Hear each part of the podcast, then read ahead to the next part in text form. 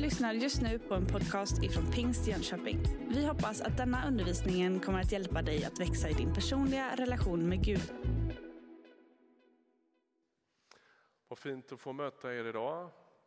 Jätteroligt att vara här. Jag heter som sagt Fredrik Lignell, då, pastor i Ryttargårdskyrkan i Linköping som är en IFK-församling. Och för dig som inte har så bra koll på kyrklandskapet så är vi släkt med Kungsporten i Huskvarna och Korskyrkan här i, i Jönköping.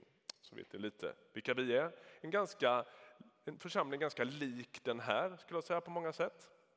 Um, varit pastor där i 13 år snart. Och eh, sen några år tillbaka så eh, har jag en deltid i församlingen, liksom sänkt min procent där för att kunna göra lite andra saker. Skriver lite böcker och skriver lite artiklar och gör en del sådana här uppdrag runt om i Sverige. Så, så, så är det. Jag är gift med Sussi sedan 32 år tillbaka. Så har vi två utflugna barn som är vuxna och lever liksom sina egna liv nu. Eh, jag, tyckte var, jag smålog lite här åt att ni måste välja, ni kan inte gå på båda. Det kallas för att begränsa. Eh, det är lite det det här handlar om. Vad jobbigt det är när man måste, för att kunna säga ja till något, måste man kunna säga nej till något annat. Det var precis det ni var med om nu. Och vi hatar det, eller hur? Därför att det är så svårt. Och vi övar ganska lite på det för vi fyller på och maxar och sådär. Och det är det det här kommer att handla om. Bilden som ligger på väggen, den har jag snott. Så är det, det är bara att erkänna. Den är från Kiviks äppelodlingar som väl anses vara de vassaste vi har i Sverige på Österlen. Och det som är spännande, jag har valt den bilden med väldig omsorg och det är för att, för att jag, har förstå, jag kan ingenting om odling. Jag har noll koll, vi har världens minsta trädgård och hinner knappt, eh, hinner, vi sköter den inte. Um, så är det. Så jag är som vanligt, jag pratar om sådana saker, ute på väldigt ehm, tunn is nu då. Men om jag har förstått det hela rätt så funkar det så att ska du få riktigt god frukt på de här träden så måste du beskära dem väldigt hårt. Man skulle kunna tänka sig eller inbilla sig att träden som bär mest frukt är de största och mest yviga. Men det är tvärtom. Du måste beskära ganska hårt för att det ska bli god frukt. Och det är liksom lite anslaget i det här seminariet idag. Jag tänker att det där med träd och frukt är djupt bibliska bilder.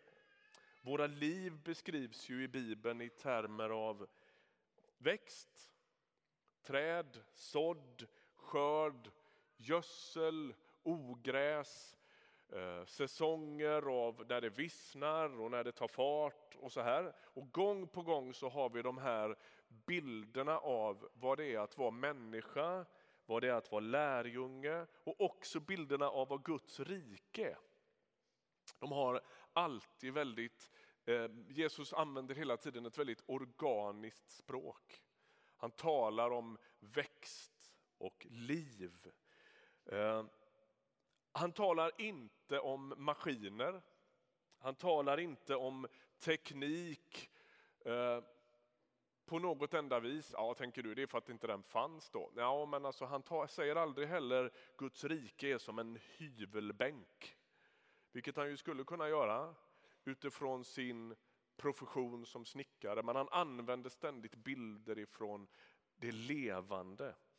Maskinerna och tekniken, det finns ju många problem med dem. Vi har stått här tills tio sekunder innan det här började och försöka få ordning på den här datorn så att den kommunicerar med det som händer där uppe och vi gav upp precis när jag skulle börja här.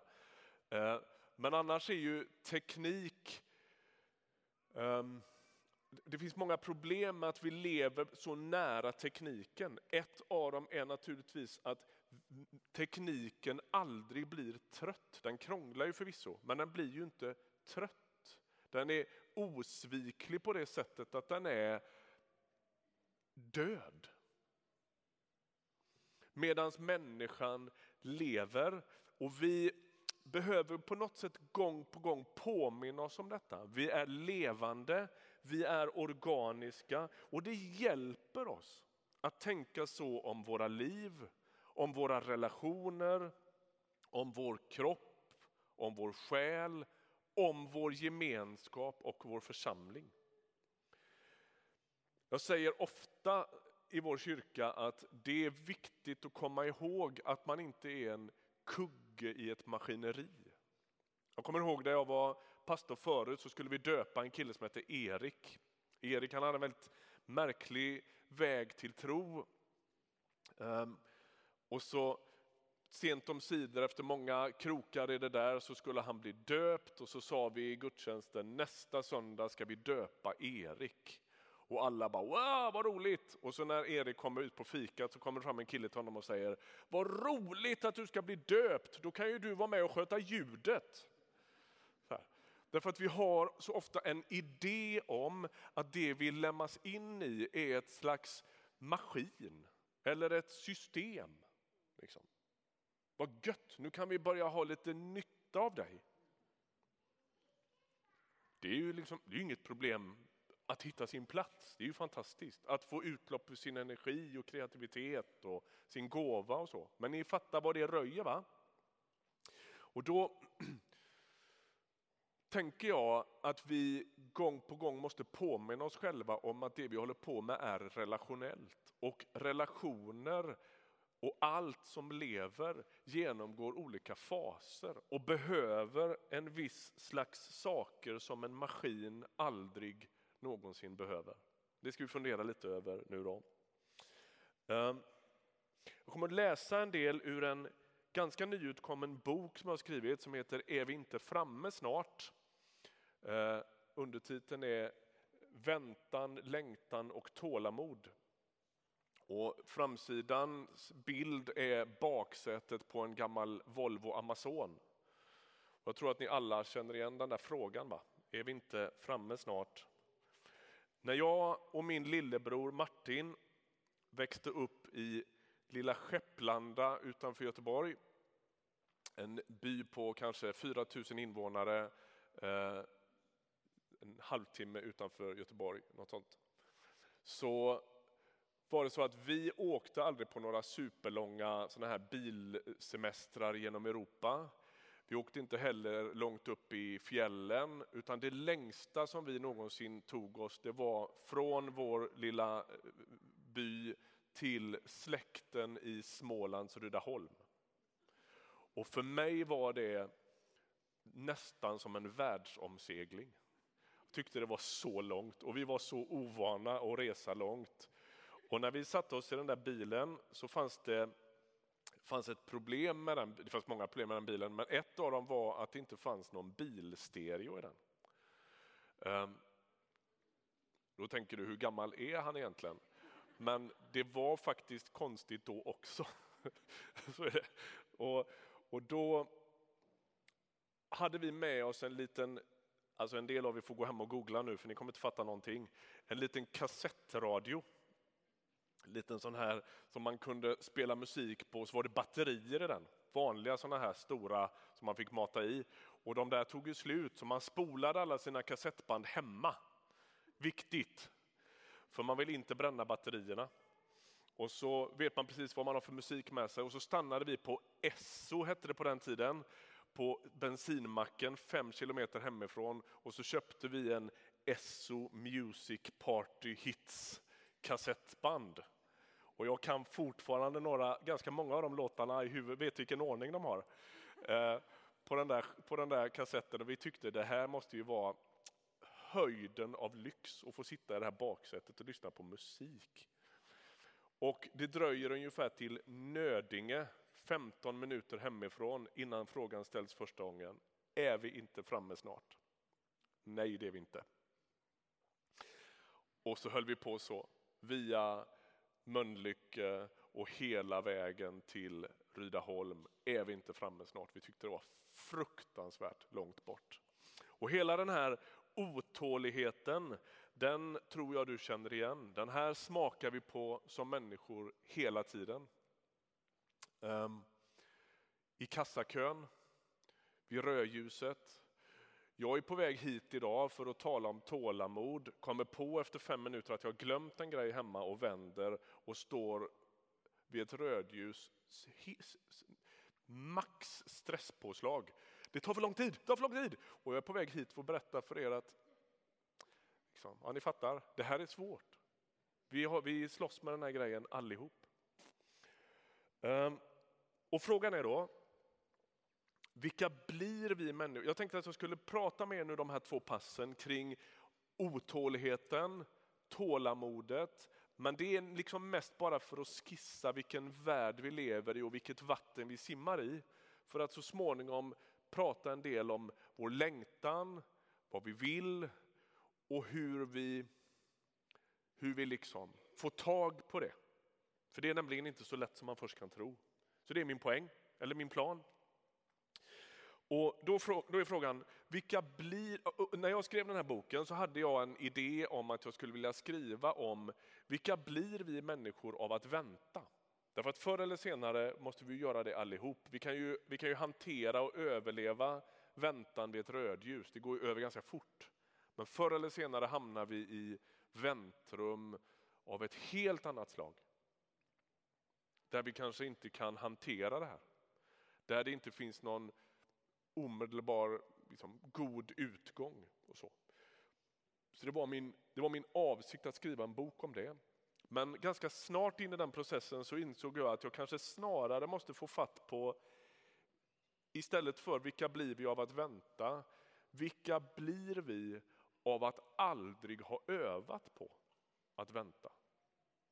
För lite så är det ju i den kultur vi lever i. ICA-affären som jag handlar på, den har öppet klockan 06 till 23. Under pandemin öppnade de fem på morgonen, för de var ändå där. Så kunde man liksom glesa ut besöken och så. Jag undrar vilka som var där klockan fem, jag har ingen aning. Men allt finns i den där affären och säsongerna håller i någon mening på att utraderas. Man kan köpa allting året runt. Eller hur? Och så här är det på alla möjliga olika sätt i våra liv. Inte minst i, den, liksom, i, i det som har med konsumismen och konsumtionen att göra. Jag behöver inte spara till en semester, jag kan köpa den på krita. Åk till Kanarieöarna två veckor och betala sen. Och jag tänker i mitt stilla sinne, hur kul är det? Att liksom betala på den där solresan ett år framåt. Men så här är det hela tiden.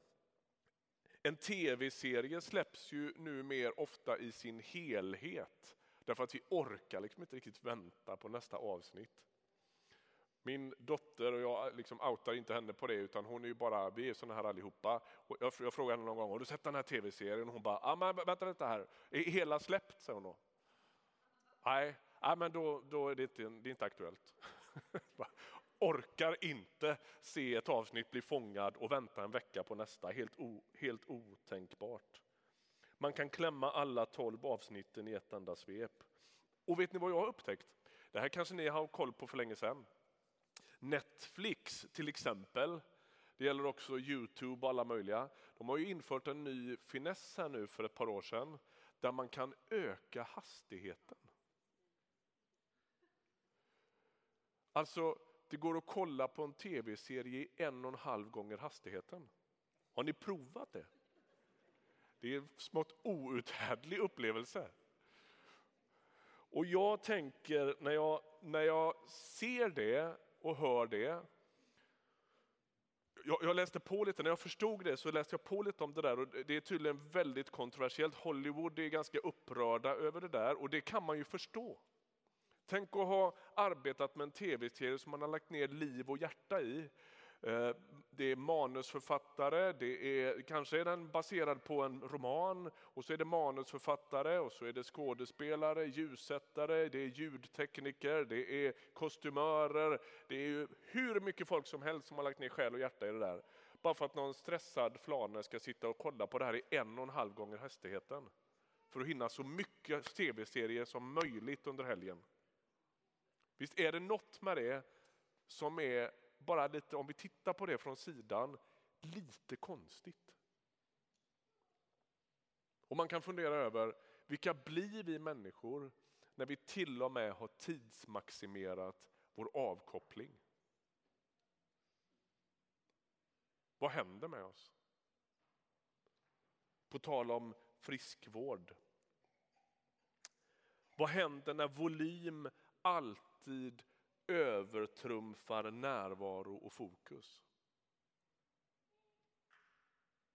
Och vad skulle hända om jag valde att röra mig i andra riktningen? Där begränsningen får närvaron och fokuset att öka.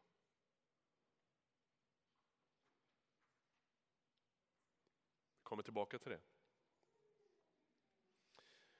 Jag tänker att ett av våra problem finns i det jag sa på teasern här innan, i vår oförmåga att avstå. Vi, är, vi övar väldigt lite på det. Och jag tänker att det är ett av våra, en av våra stora, stora utmaningar. Um, att det går igen på så många områden, lite beroende på vilken ålder du är och vad du är intresserad av och så. Men det finns ju en, vi, vi, jag, jag upplever att vi lever i en extremt stressad tillvaro också när det gäller att vara uppdaterad. Då menar inte jag bara det här liksom klicket på telefonen utan att, att, att ha läst de senaste böckerna eller sett filmerna eller veta om snackisarna eller podcasten eller vad det nu kan vara. Tänk om jag inte måste det? Är det det här jag vill? Låt mig få läsa någon sida i den här boken. Du får några sådana här läsningar. Det är tolkens skräck att jag ska läsa högt ur den här boken. Det är svårt att tolka sånt, men vi provar lite. En människa behöver fundera över sina ja och sina nej. I vår tid är ett nej smått outhärdligt då vår kultur ständigt lovar att man kan ha kakan och ändå tugga i sig den. Vi avskyr att avstå och vi övar oss sällan. Kyrkans fasteperioder handlar om att hjälpa oss med dessa krafter. Vi säger inte nej till dåliga saker i fastan utan det, till det som är både gott och rimligt. Allt för att få hjälp att säga ett djupare ja till det som är omistligt. För egen del har jag genom åren också försökt komma åt helt andra skikt i själen. Varför har jag så svårt att göra andra människor besvikna? Vad är det för drivkrafter som får mig att stänga mina egna signaler och göra det jag egentligen inte vill? För några år sedan hörde jag en föreläsare berätta om spänningarna han kände mellan alla förväntningarna från både sig själv och andra. Och han poängterade, du måste bestämma dig för vem du ska göra besviken. Poängen var att det alltid är någon som tycker att jag väljer fel. Jag måste dels lära mig leva med det och dels göra medvetna val. Tänk om mitt yngre jag hade hört den föreläsningen. Kanske hade jag då lärt mig att lyssna till en djupare längtan och undvikit somligt slitage. Den danske psykologen Sven Brinkman han avslöjar obarmhärtigt vår jakt och vårt självbedrägeri. Så här säger Sven Brinkman. Om du tänker positivt varje dag, arbetar hårt, strävar efter att bli den bästa versionen av dig själv, omger dig med inspirerande människor och aldrig ger upp, finns det inga gränser för hur utbränd du kan bli.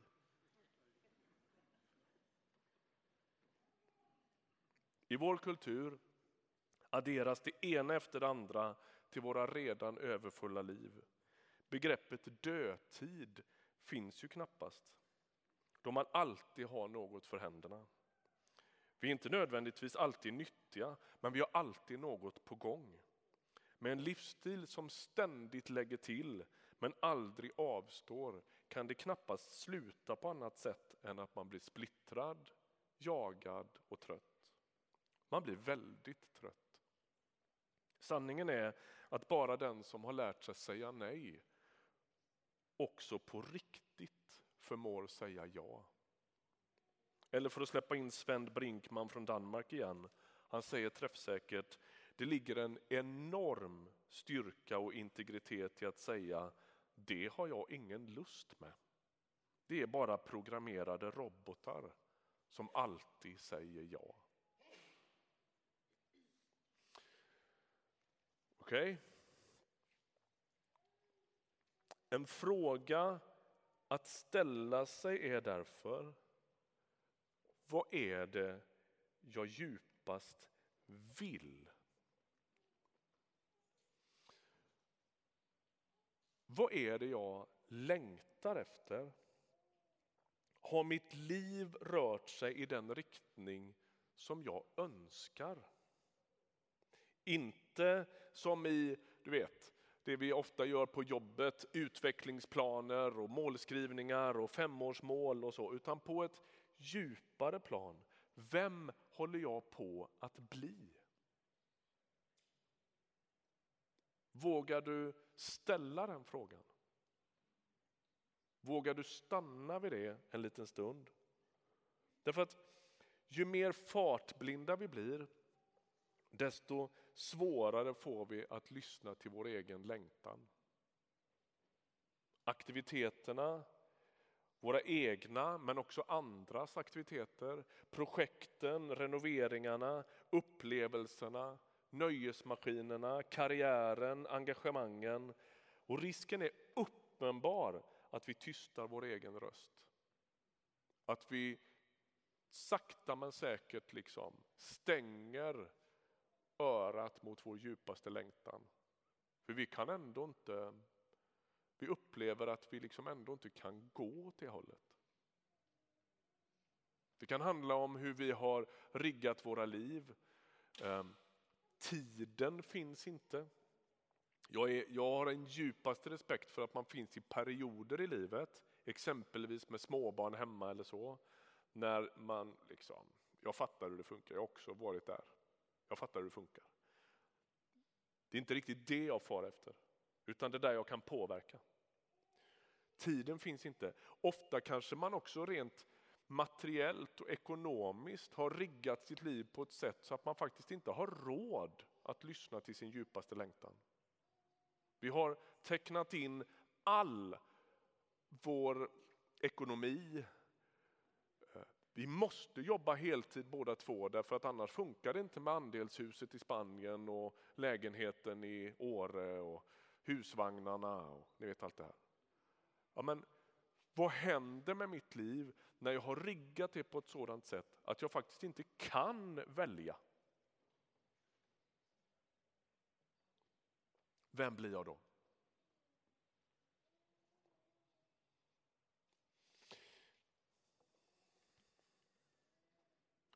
För jag kan inte göra två saker samtidigt. När jag bläddrar så blir jag tyst. Ehm, för fyra år sedan ganska precis så hamnade jag i ett läge när ehm, all bränsle tog slut.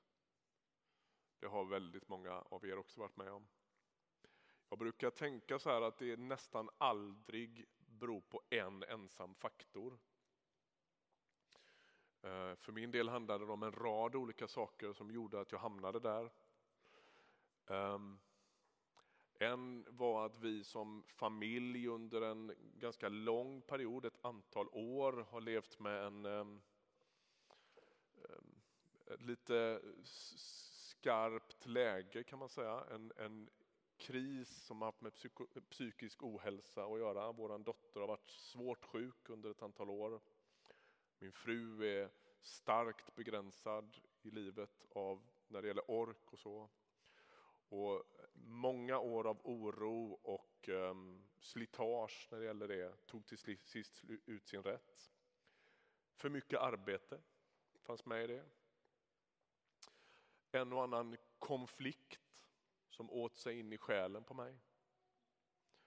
Um, ja. Som för de flesta andra så är det en uh, mix av en rad saker som gör att man till sist inte riktigt kan hantera sig. Och jag kan se i backspegeln lite, eller jag kunde nog faktiskt ana det redan precis när det hände, att det fanns en del väldigt tydliga signaler på att det här höll jag på att tappa kollen på. En var att jag upplevde att friheten togs ifrån mig. Jag kände mig fast i ett skruvstäd jag har så mycket ansvar, jag måste hålla ihop, jag måste liksom sträcka på mig och jobba på. Ehm, och till sist blev det en sån ohanterlig situation. Jag kan se i någon liten loggbok jag har att jag har skrivit en del kring det där. Fri, alltså jag känner mig inte fri, jag är så trängd. Och det var ganska tydligt tecken på att jag höll på att bli sjuk. Glädjen är en annan sån där. Om jag fick ge dig två liksom, lite ställen där du skulle kunna stoppa ner din termometer så har det med friheten och med glädjen att göra. Nya testamentet säger där Herrens ande är, där är frihet. Och I vår frikyrkotradition och karismatiska tradition har vi ju gärna läst den texten som om det bara handlar om hur gudstjänsten är utformad. Men det handlar alltså om hela våra liv. Guds ande präglar mitt liv så att det finns finns en gammaltestamentlig text i Saltaren där det står eh, Du har ställt mina fötter på rymlig plats. Det är friheten. Alltså,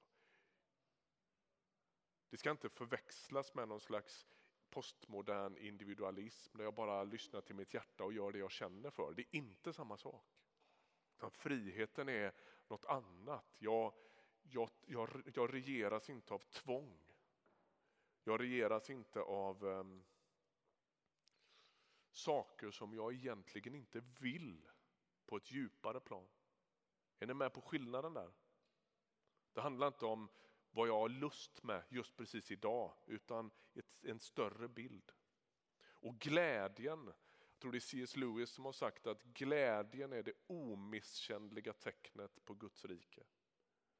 När den går förlorad så är, är, blir det väldigt svårt att andas. Så friheten och glädjen. Jag läser lite till när slitaget är ett faktum är friheten en av de saker som först går förlorad. När vi människor hamnar i bakvattnet i våra egna liv på grund av hög stress under lång tid, orimliga förväntningar från både oss själva och andra och ständigt är reaktiva och försöker fånga de mest kritiska bollarna, då blir vi allt mer trängda och allt mer ofria. Vi övermannas då av en känsla av att någon annan bestämmer allt i det liv som skulle vara vårt. Det är då inte särskilt intressant om den känslan är sann. Den är ändå helt dominerande. Ett sätt att försöka komma åt det forcerade tvånget kan vara att ställa sig några frågor. Hade vi haft lite koll på tekniken här nu så hade du fått dem på väggen, men jag tror inte vi har dem. De lyder så här, jag ska ta dem om du skulle vilja ha med dig dem. Man kan ställa sig fyra frågor. Den första är, vad har jag för mycket av i livet? Vad har jag för mycket av i livet? Den andra är, vad har jag för lite av i livet? Den tredje, nu börjar det bli lite närgånget, den, är, den lyder, vad hindrar mig från att ändra på det? Och den fjärde, vilka källor öser jag ur? Vad har jag för mycket av i livet? Vad har jag för lite av i livet? Vad är det för krafter som hindrar mig från att ändra på det? Och vilka källor öser jag ur? Jag skriver vidare så här. Vad finns det för yttre strukturer, uttalade eller outtalade förväntningar eller andra krafter som hindrar mig från att göra det jag innerst inne vill? Den andra sidan av frågan är mer närgången. Vad finns det i mitt liv av sår, självbild, gudsbild och bundenhet som hindrar mig från att följa det jag djupast längtar efter? Här tror jag att du och jag skulle behöva våga stanna. Vad är det för krafter i min själ? Är ni med på den här tredje frågan? En sak är ju, vad har jag för mycket av, vad har jag för lite av? Det kan vi ju sätta upp nästan som en slags debet och kredit. Liksom. Men den stora intressanta frågan är ju, vad är det för saker i mitt liv som bromsa mig i att göra det som jag vet att jag ska? Tror jag inte att jag får? Är det rädslor? Är det skam? Är det, har det med gudsbilden att göra? När Jesus möter människor så ställer han en mycket märklig fråga gång på gång på gång. Han möter en man som har varit blind i 38 år och så frågar han honom, vad vill du att jag ska göra för dig? Och man kan tänka, är inte det tidernas dummaste fråga? Alla som står runt omkring där vet vad som förväntas. Varför frågar han det? Han frågar inte det för att han behöver hålla sig informerad. Det är inte så att Jesus frågar det för att han inte vet. Utan vad han gör är att han lockar ut människan att sätta ord på sin egen längtan. Vad vill du? Jag vill veta det. Och vi i vår lite fromma kultur, vi ber ofta så här, ja, Jesus du vet ju allt. Ja, jo, det är ju sant. Men jag kan ju behöva för min egen del sätta ord på vad är det jag längtar efter. Och det där kräver lite arbete från vår sida, eller lite, inte arbete kanske så mycket som fokus från vår sida. Att komma åt, vad är det jag vill?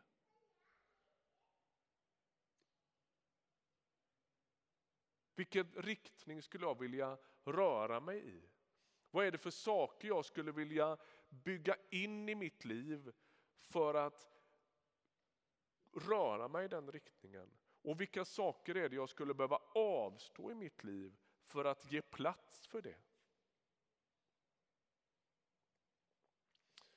Då finns det ju naturligtvis en, en slags ond cirkel i detta och det är ju att när vi stressar oss fram genom livet och, och jagar efter det ena kicken efter den andra så, så blir liksom dövandet tvåfaldigt. Å ena sidan så dövar stressen oss, å andra sidan så hindrar den oss effektivt från att lyssna till oss själva. Är ni med på det? Vem, vad vill jag?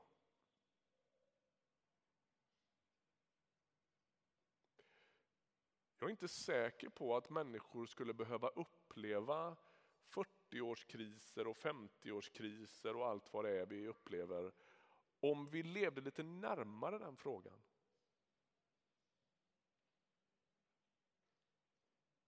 Jag fattar att de uppstår av hundra andra skäl också, jag är med på det.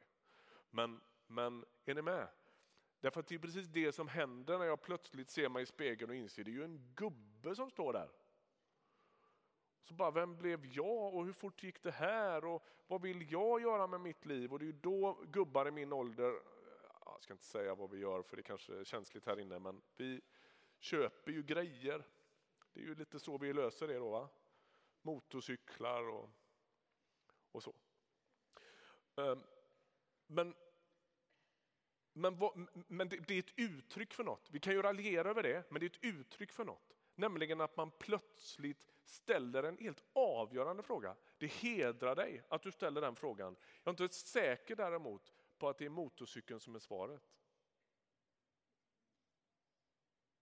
Vi människor, sägs det i forskningen, möts av, lite beroende på om vi bor på landet eller i stan och vad vi jobbar med och hur gamla vi är och så. Men vi möts av någonstans mellan 3000 och 20 000 kommersiella budskap om dagen. I form av logotyper och affischer och reklaminslag och eh, varumärken och alltihopa det här. Mellan 3000 och 20 000 sådana intryck om dagen. Alltså konsumismen är extremt offensiv. Bara skriker rätt upp i ansiktet och i öronen på oss vad den tycker att vi ska göra med våra liv. Hur navigerar jag i allt detta? Netflix går fortare, reklammakarna är smartare. Det bara öser över oss av intryck vad, ska, vad vi ska göra med våra liv. Jag behöver naturligtvis skära i det på ett eller annat sätt om jag ska komma åt vad jag själv vill.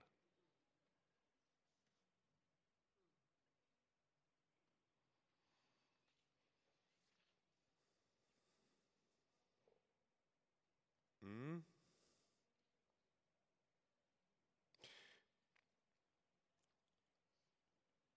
har koll på klockan här så ni behöver inte vara oroliga. Vi ska ta en paus klockan 12. Vi kommer att göra det.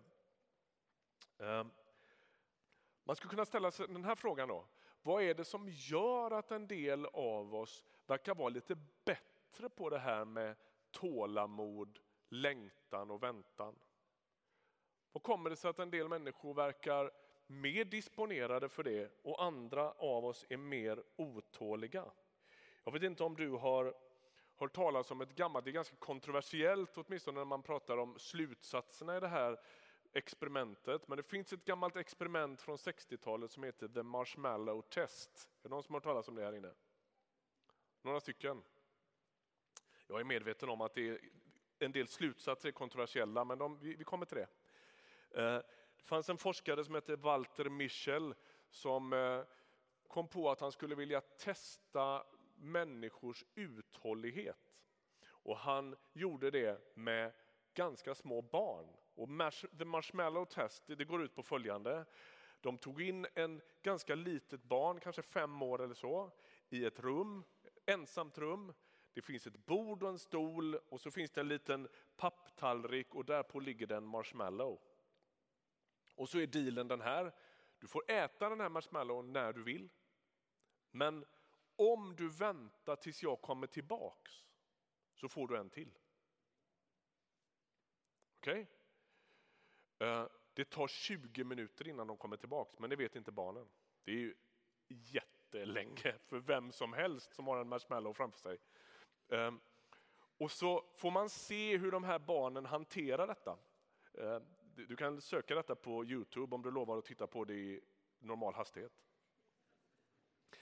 Och så, och så får man se hur de här ungarna hanterar det här och det är väldigt olika. då. Någon tjej där, hon, eh, har du förstått reglerna? Ja, ja. Du ska, om du väntar får du två, ja jag fattar. Ja, och så, ja, då går jag ut ur rummet, ja, stoppar hon den i munnen direkt. De hinner inte ens ut här, och äter upp den. Och 20 minuter blir ganska ensamma för henne. Men sen så kommer det en del andra barn i bild och då är det någon som eh, blundar och det är ju ganska smart strategi, tänker jag. Det är någon som tittar i taket. Det är någon som börjar leka med den här godisen och börjar rulla den fram och tillbaka så här. Vilket inte heller är så dum idé. va? De gör den här till något annat. Så här. Någon börjar slicka på den. Då är det är ju liksom början till slutet kan man säga. Det är svårt att backa sen. Mm. Och några klarar det här då med olika typer av strategier. Och då är, då är poängen lite att ja, men det verkar ju för det första som att det finns människor som är mer eller mindre disponerade för väntan och tålamod. Ehm.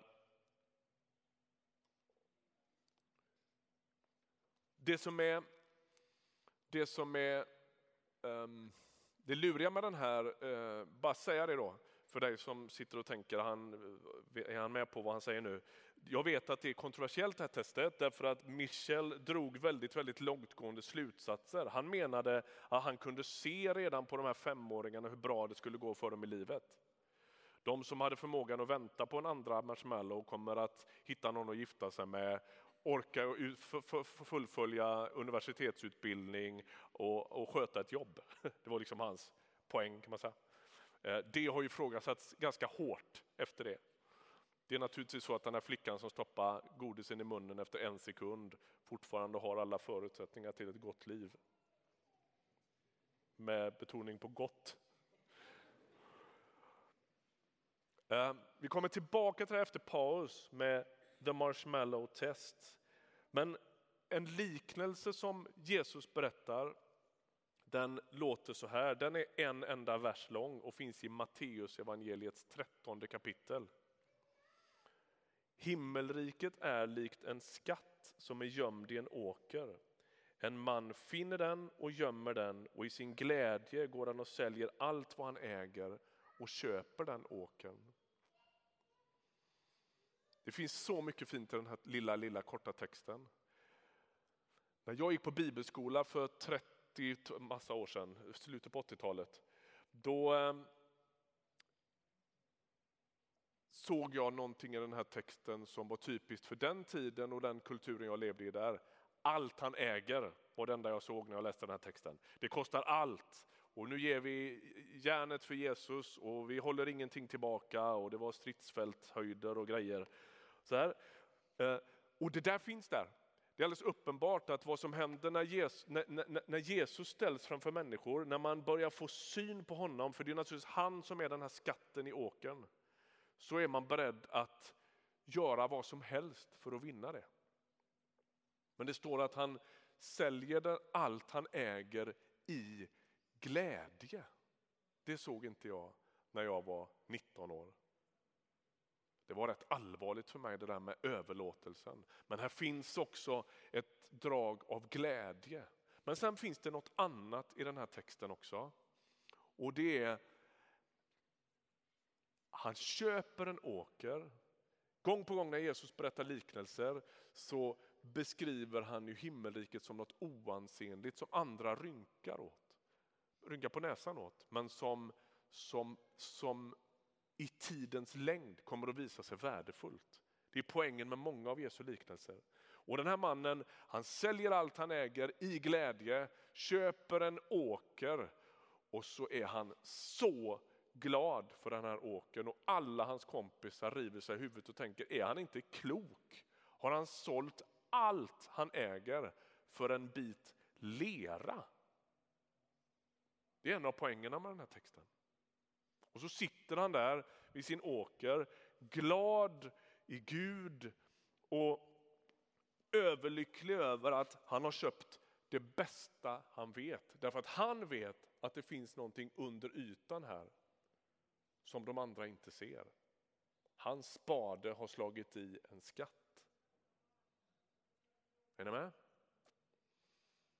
I tidens längd visar det sig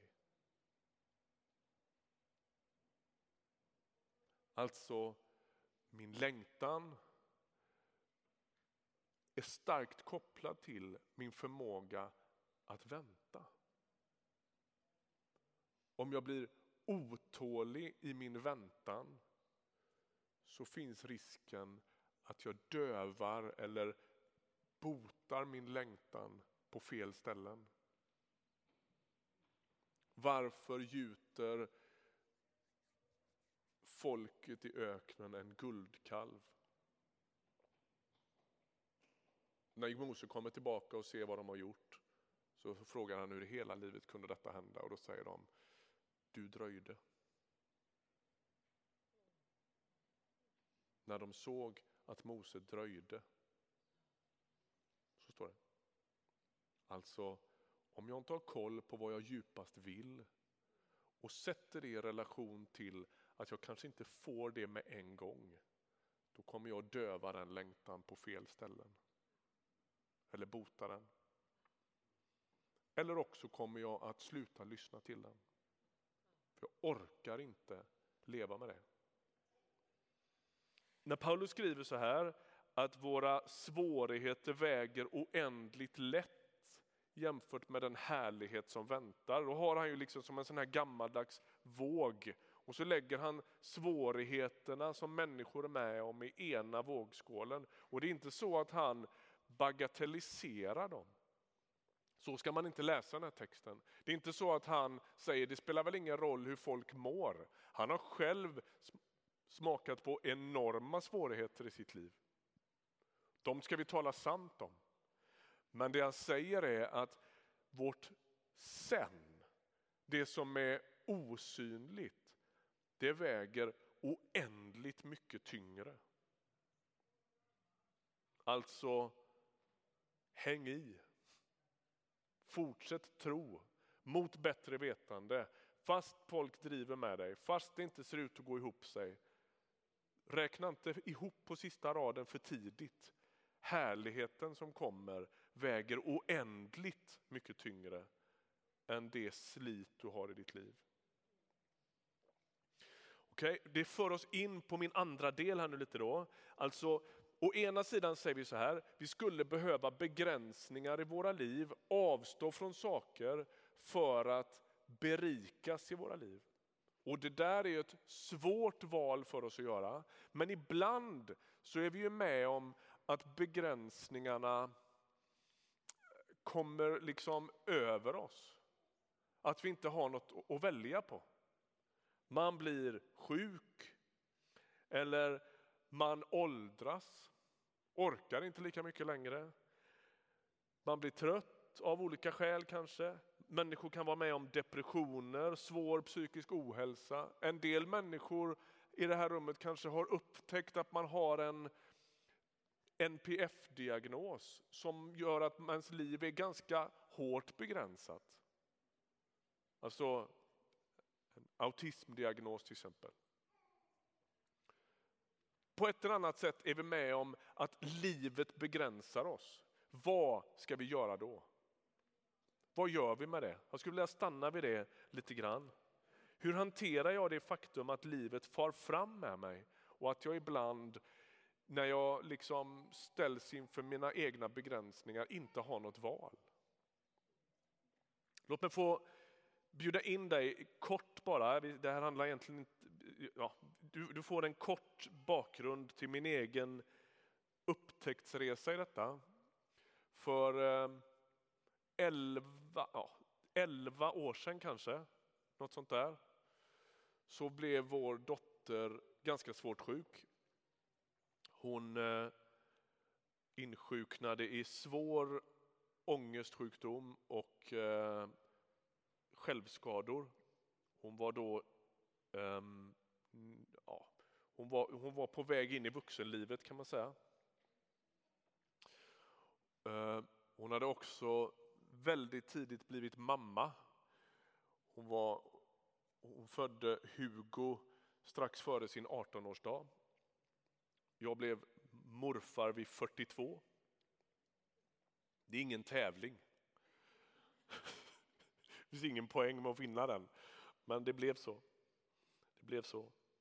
Eh, hon blev svårt sjuk och under ganska många år har vi levt med det här um, både oron och slitaget och um, ja, väldigt många andra saker som kommer med det. Um, min fru är ganska, som jag sa innan, ganska starkt begränsad. Hon jobbar halvtid. Eh, det är så det stryker att hon orkar med det, kommer aldrig mer att arbeta helt. Eh, och vi är på det klara med att det finns inget egenvärde i just precis det. Och så. Men i det där, jag berättar det kort och summariskt bara för att du ska förstå vad jag, vad jag liksom kommer in i den här frågan med. Eh, Ångesten, självskadorna och de ständigt blinkande bränslelamporna är liksom vardag i våra liv. Har varit det under många år. Vår dotter är på en betydligt bättre plats idag. Vi är tacksamma och glada för det. Men det har inte varit någon lek och vi är glada att alla lever. Så är det. Ehm, det har varit extrema mängder med psykofarmaka, ambulansfärder och en oro som man nästan inte kan leva med.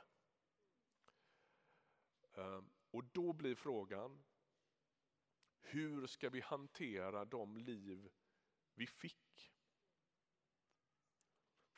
Och här är min spaning lite att vi i vår kyrkkultur inte alltid har varit så duktiga på att ge varandra goda verktyg för det. Alltså, vi har snarare pratat om tron som en slags språngbräda till förändring. Och jag fattar varför, för det finns gott bibliskt stöd för det. Jesus möter en blind människa som sen kan se, någon kan inte gå och så kommer Jesus och så kan man det. Och så vidare. Va? Jag fattar det. Men det är ju också så att vi ibland är med om att livet faktiskt inte blir förändrat. Att vi lever med våra begränsningar och de liksom nästan tränger sig på oss på olika sätt. Vad gör vi då? Och då är min, då är min eh, hälsning till dig att jag tror att det finns en evangeliets väg i det. Jag tror att Gud kan röra vid de liv vi har och att han kan hjälpa oss att sluta fred med och försonas med de liv vi fick. Så att vi inte ägnar resten av våra liv åt att sträcka oss efter ett annat liv. Det tänkte jag stanna vid en liten stund nu. Och när jag, brukar göra, när jag gör det så brukar jag ofta få en del mothugg på det. Eh, men det kan jag leva med. Vi kan ta det sen. Därför att det här är lite ovana vid att tänka på det här sättet, åtminstone i en del av våra lite liksom, fromma miljöer och så. Vi får se vad du, vad du tänker om det här. Jag tänker så här, försoning handlar om så mycket mer än endast liksom rättssalens bilder som vi ju är väldigt präglade av i en lutherskt formad kristenhet som handlar om skuld, nåd, eh, förlåtelse. Liksom. Försoning tar sig också andra uttryck i våra liv. Hur försonas jag med mitt eget livsöde? Hur sluter jag fred med mina omständigheter?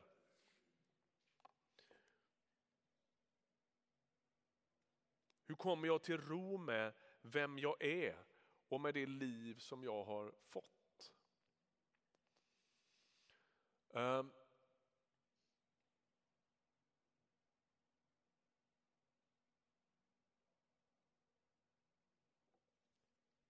Låt mig ta ett exempel på vad jag försöker säga. En kvinna kom fram till mig för många år sedan och säger så här. Hon är gammal, hon är 85 år kanske. Hennes make kanske är 88 och han har en begynnande demenssjukdom. Hon formad väldigt mycket i en eh, lite trosrörelse, doftande teologi. Och så säger hon, står du i tro med mig att han ska bli frisk? Och så vet jag inte riktigt vad jag ska svara på det. Han är ju 88 år. Hur ska vi tänka om att vi också är människor? Att någon gång så börjar livet liksom plockas av oss. Och så inser jag, hon har extremt få, om ens några, verktyg för smärta. Hur gör man? Och låt mig få ge dig, någon gav mig en gång en bild, vi skulle kunna lägga upp bilden på den där muren och trädet. Se om vi får upp den. Någon gav mig en gång en god bild. Den här finns i gamla testamentet i en av saltasalmerna så talas det om hur muren runt ett träd har rivits ner. Och då uppstår följande. Vildsvinen kommer och bökar. Och vad är det de lever av? De lever av rötterna. Muren, om du tänker dig en mur som inte bara är en designad mur för att vi ska sitta på den utan som också går ett par meter ner i backen runt det här trädet så finns det ett beskydd både utifrån och inifrån när det gäller den här muren. Utifrån är ganska självklart, de här vildsvinen kan inte komma och äta mitt rotsystem. Men inifrån så är det ju så att om de här rötterna söker sig utåt sidorna för att bli så flacka som möjligt så slår de i den här muren och har ingen annanstans att gå än neråt. Är ni med? Den här bilden har hjälpt mig enormt mycket. Tänk om det är så här att våra begränsningar som vi har inte är ett hot mot vårt liv utan den, det växthus inom vilket mitt liv kan frodas.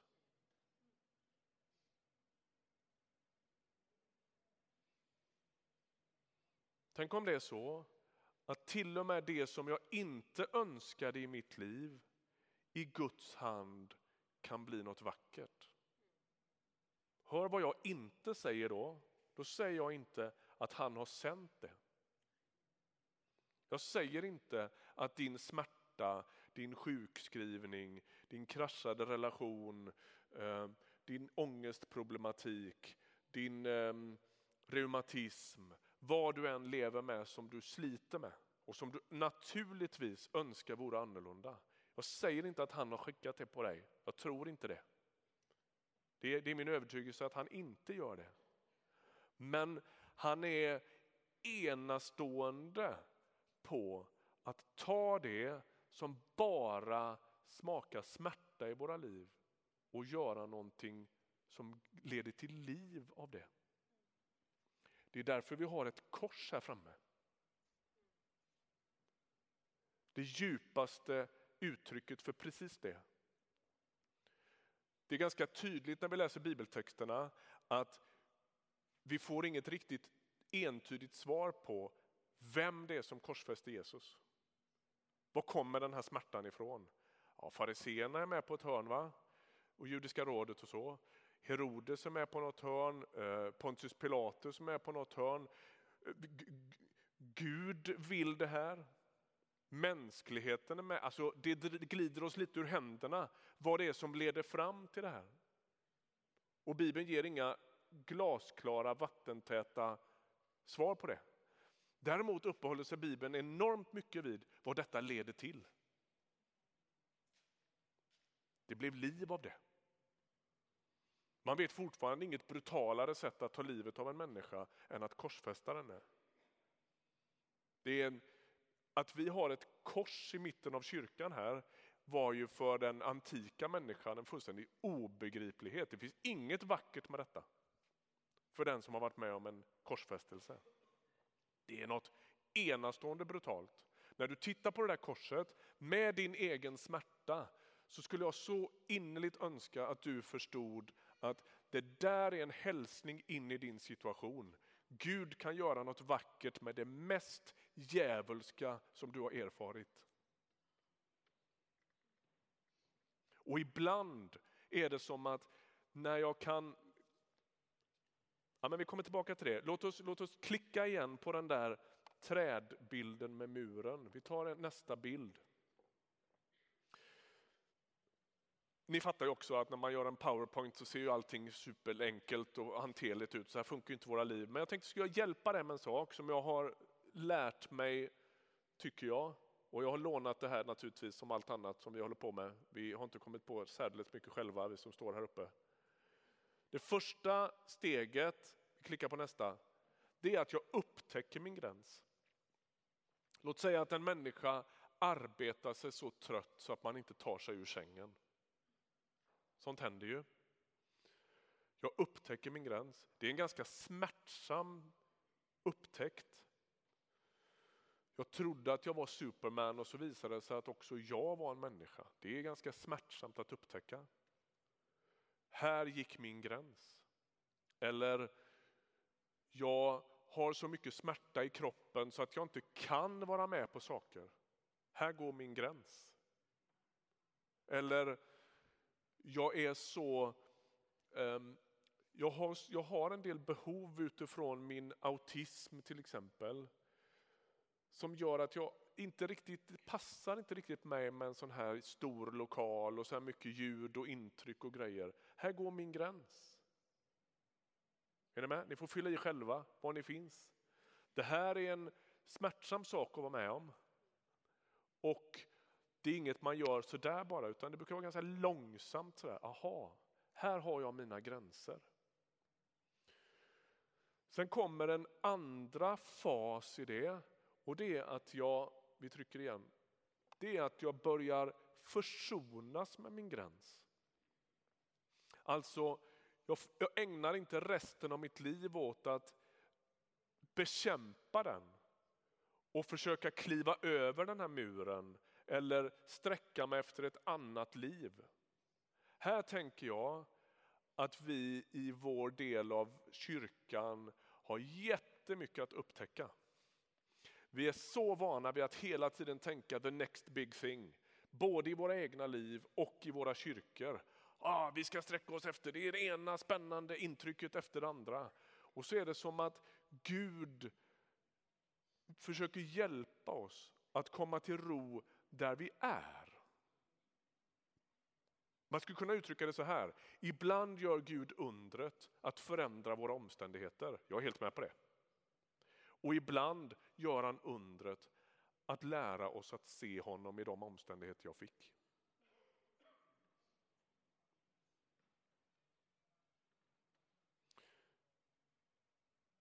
Det här är naturligtvis ingen liten sak, att sluta fred med sitt liv och komma till ro och försonas med sina omständigheter. Men det är min djupa erfarenhet av en ganska krokig livsresa på senare år, att det går.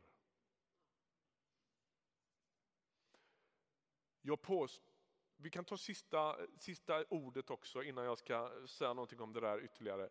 Det tredje steget är att jag inte bara börjar komma till ro med min gräns utan att jag börjar slåss för den. Om vi tar den här personen igen som har arbetat sig sjuk och inte tar sig ur sin säng. Så upptäcker man sin gräns, man börjar sakta men säkert med Guds hjälp komma till ro med sin gräns. Det här är vem jag är. Det här är mina omständigheter och jag tänker inte slåss mot dem. Jag tänker sluta fred med dem. För att så småningom börja slåss för dem. Det här behöver jag. Den här, de här ordningarna måste jag ha i mitt liv för att kunna fungera och jag börjar liksom värna min gräns istället för att utmana den. Är ni med på det? Min erfarenhet är att detta inte är linjärt. Det är inte så att vi checkar av det här ja, enkelt, ett, två, tre och sen går jag vidare i livet. Utan det är mycket mer cirkulärt. Ibland behöver jag gå ett nytt varv med det här.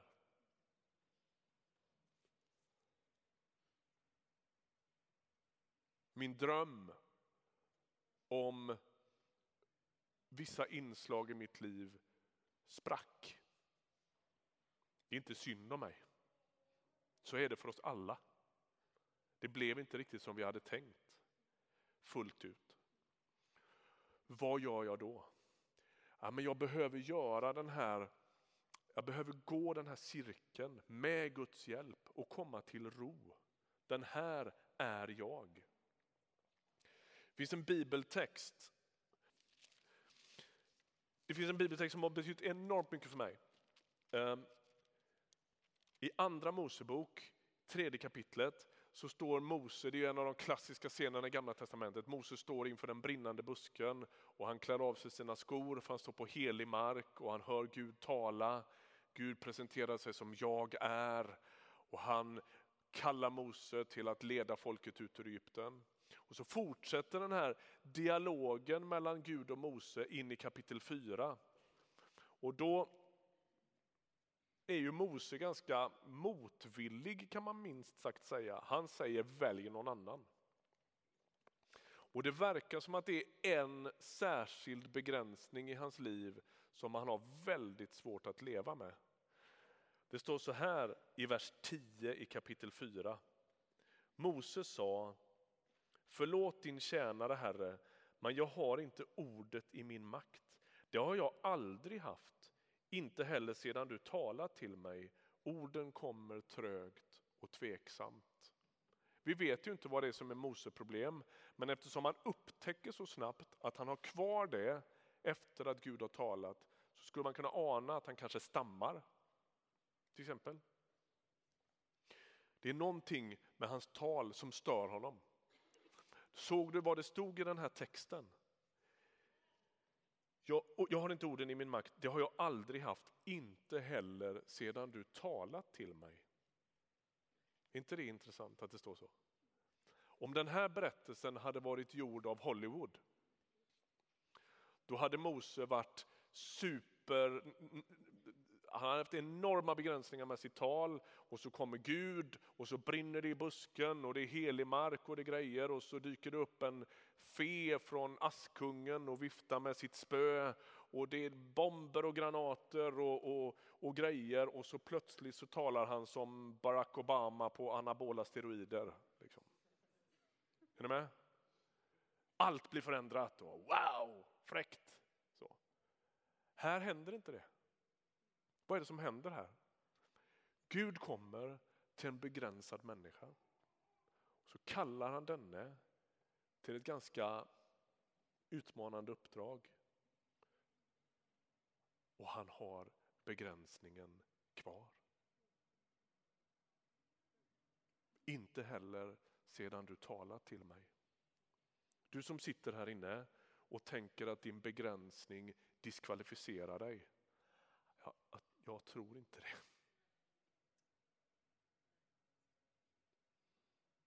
Gud kommer alltid till våra liv i befintligt skick. Det är inte, alltså, det är inte han som är i befintligt skick utan det är våra liv. Ja, ni fattar. Syftningsfel. Um.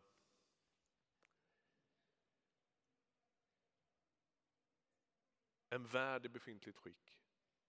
En familj i befintligt skick en församling i befintligt skick. Du som tänker det verkar lite fräsigare än kyrkan nerför gatan. Ja, men du vet, Gud rör alltid vid kyrkan i befintligt skick. Dessutom kommer du snart att upptäcka att det är typ likadant där. Våran ständiga misstanke om att andra familjer har det bättre än vad vi själva har det. Där ju sociala medier inte precis har förenklat det för oss. Ingen verkar ju äta makaroner och korv på Instagram. De lever så rika och stimulerande och spännande liv. Så sitter jag här med min bärsa tillvaro. Tvätttid och nudlar. Gud besöker alltid de liv vi har.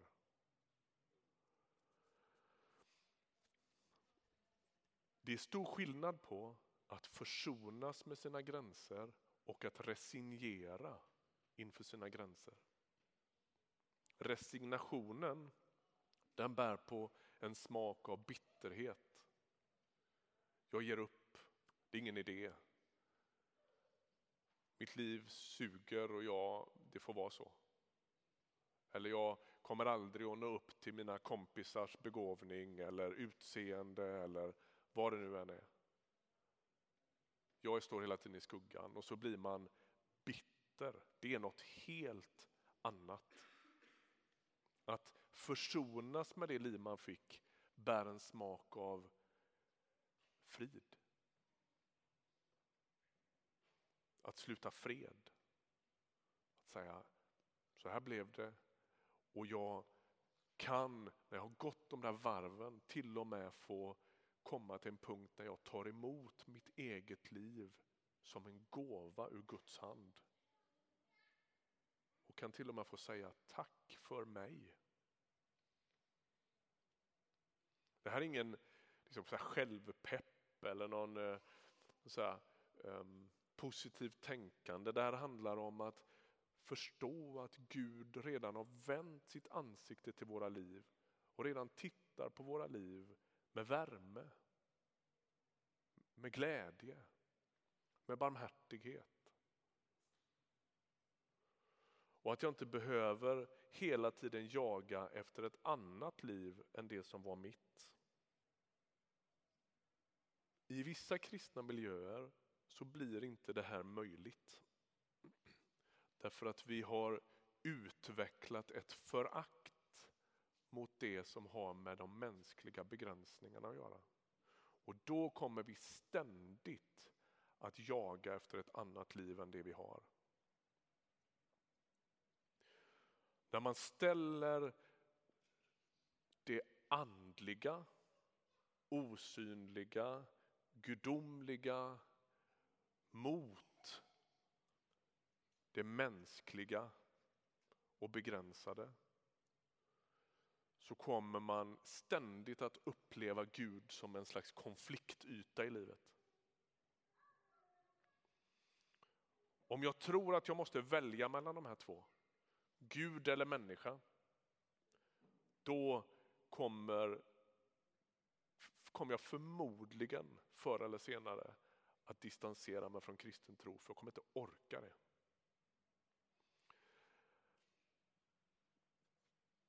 Alltså, det som händer med ateisten, om vi, nu förenklar vi ju grovt då, va? det är att ateisten tänker så här, om jag ska kunna bevara min mänsklighet så måste jag distansera mig från Gud, för han är hela tiden ett hot mot det. Här borta, på den här kanten, här finns den överandlig, här finns överandligheten som tänker likadant fast spegelvänt. Eftersom de här två inte är förenliga, så om jag ska bevara min tro och min andlighet så måste jag distansera mig från min mänsklighet. Vad är det kristen tro lär? Jo, att, Gud, att Jesus var Gud och människa helt förenad. Du behöver inte fördriva din mänsklighet för att bli en god kristen.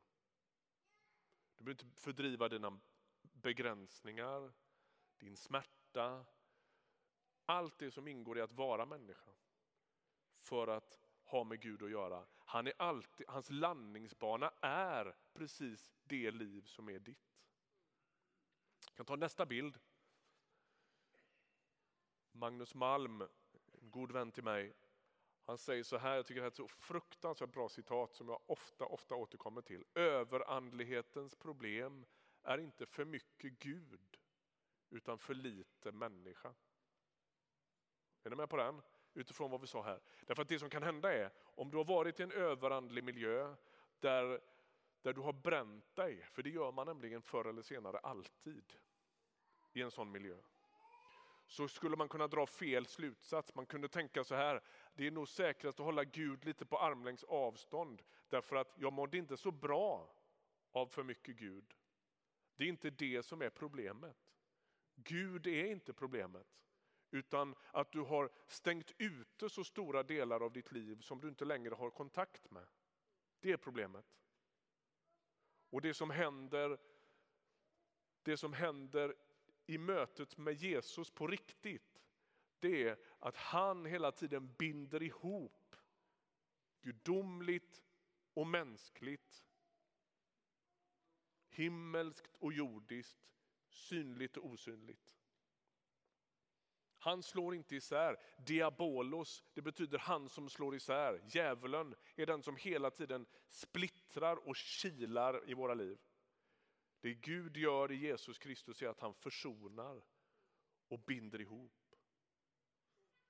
Så min poäng här, sista minuterna, är att, du, att jag så gärna skulle vilja att du fick koll på det här, eller koll, men att du fick erfara det här. Hur Gud kommer till ditt liv sådant som det är. Vårt stora ord som vi ständigt, ständigt göder i vårt inre är ju ordet om. Om jag bara hade blivit gift. Om jag bara hade blivit gift med någon annan. Om jag ändå inte hade blivit gift. om jag hade fått barn, om jag hade fått andra barn. Och jag, jag raljerar inte. Jag vet, jag, det, det, det kan finnas enorm smärta bakom det där. Jag fattar det. Om jag bara hade varit född i en lite vettigare familj, de är inte kloka i min familj. Eller om jag bara hade, vad det nu är vi håller på med då. Va? Och så är det som att vi ägnar hela livet åt att sträcka oss efter ett liv vi inte har. Evangeliets väg i våra liv har med inkarnationen att göra. Gud blir människa, han besöker världen sådan som världen är. Och han gör precis det också i våra liv. Han kommer till dig mitt i det liv som blev ditt. Med stök och vardag och liksom allt vad det innehåller men också med dina mest vibrerande smärtpunkter. Dit, dit kommer han med sin barmhärtighet, med sin frid, med sin härlighet, med sin kraft. Och jag skulle så innerligt vilja liksom Ja, vad jag önskar att du vågade tro det. Så sammanfattningsvis idag så har vi talat om att begränsa för att berika. Begränsningen kan komma till oss från två håll. Antingen så väljer jag den, vilket jag påstår att alla västerländska människor behöver. Eller alla människor överhuvudtaget, men inte minst i vår kultur. Jag kan inte säga ja till allting. Och ska jag kunna säga ett djupare ja till det som är viktigt måste jag också avstå och säga nej. Beskärningen är avgörande för vad som händer och vem jag blir. Och när begränsningen når mig på ett sätt som jag själv inte har valt så är det inte ett kvitto på att mina böner inte når fram eller att min tro inte är tillräcklig. Det är bara ett enda stort bevis på att också du är en människa. Och i det verkar Gud med sin nåd. Om du finns i en sån period just nu där det står och väger väldigt för dig, du, du sliter stenhårt med dina omständigheter, så skulle jag vilja uppmuntra dig, stå inte ensam i det. Tala med en pastor här i kyrkan eller med en god vän, en mogen kristen. Hitta någonstans där du kan sätta ord på det. Och när du ber, försök göra det så bottenärligt du bara kan. Jag vill inte ha det så här. När Jesus brottas med Faderns vilja i Getsemane så landar han ju förvisso i, inte som jag vill, utan som du vill. Men innan han gör det så berättar han vad han vill och vad han inte vill. Alltså, han överlåter inte sitt liv åt Guds vilja istället för att ha koll på vad han vill. Utan det är en förutsättning för den överlåtelsen att han har kontakt med vad han längtar efter och vad han vill. Så Gud välsigne dig i den ganska snåriga tid som är vår. Att hitta och, och, och så här, slåss för um, någon slags rum där du också förmår lyssna till din djupaste längtan. Våga göra det. Tala med Gud om den och se vad som händer. Du har just lyssnat på en podcast ifrån Pingst Jönköping. För att få reda på mer om vilka vi är och vad som händer i vår kyrka så kan du gå in på pingstjonkoping.se eller följa oss på sociala medier via pingstjkpg.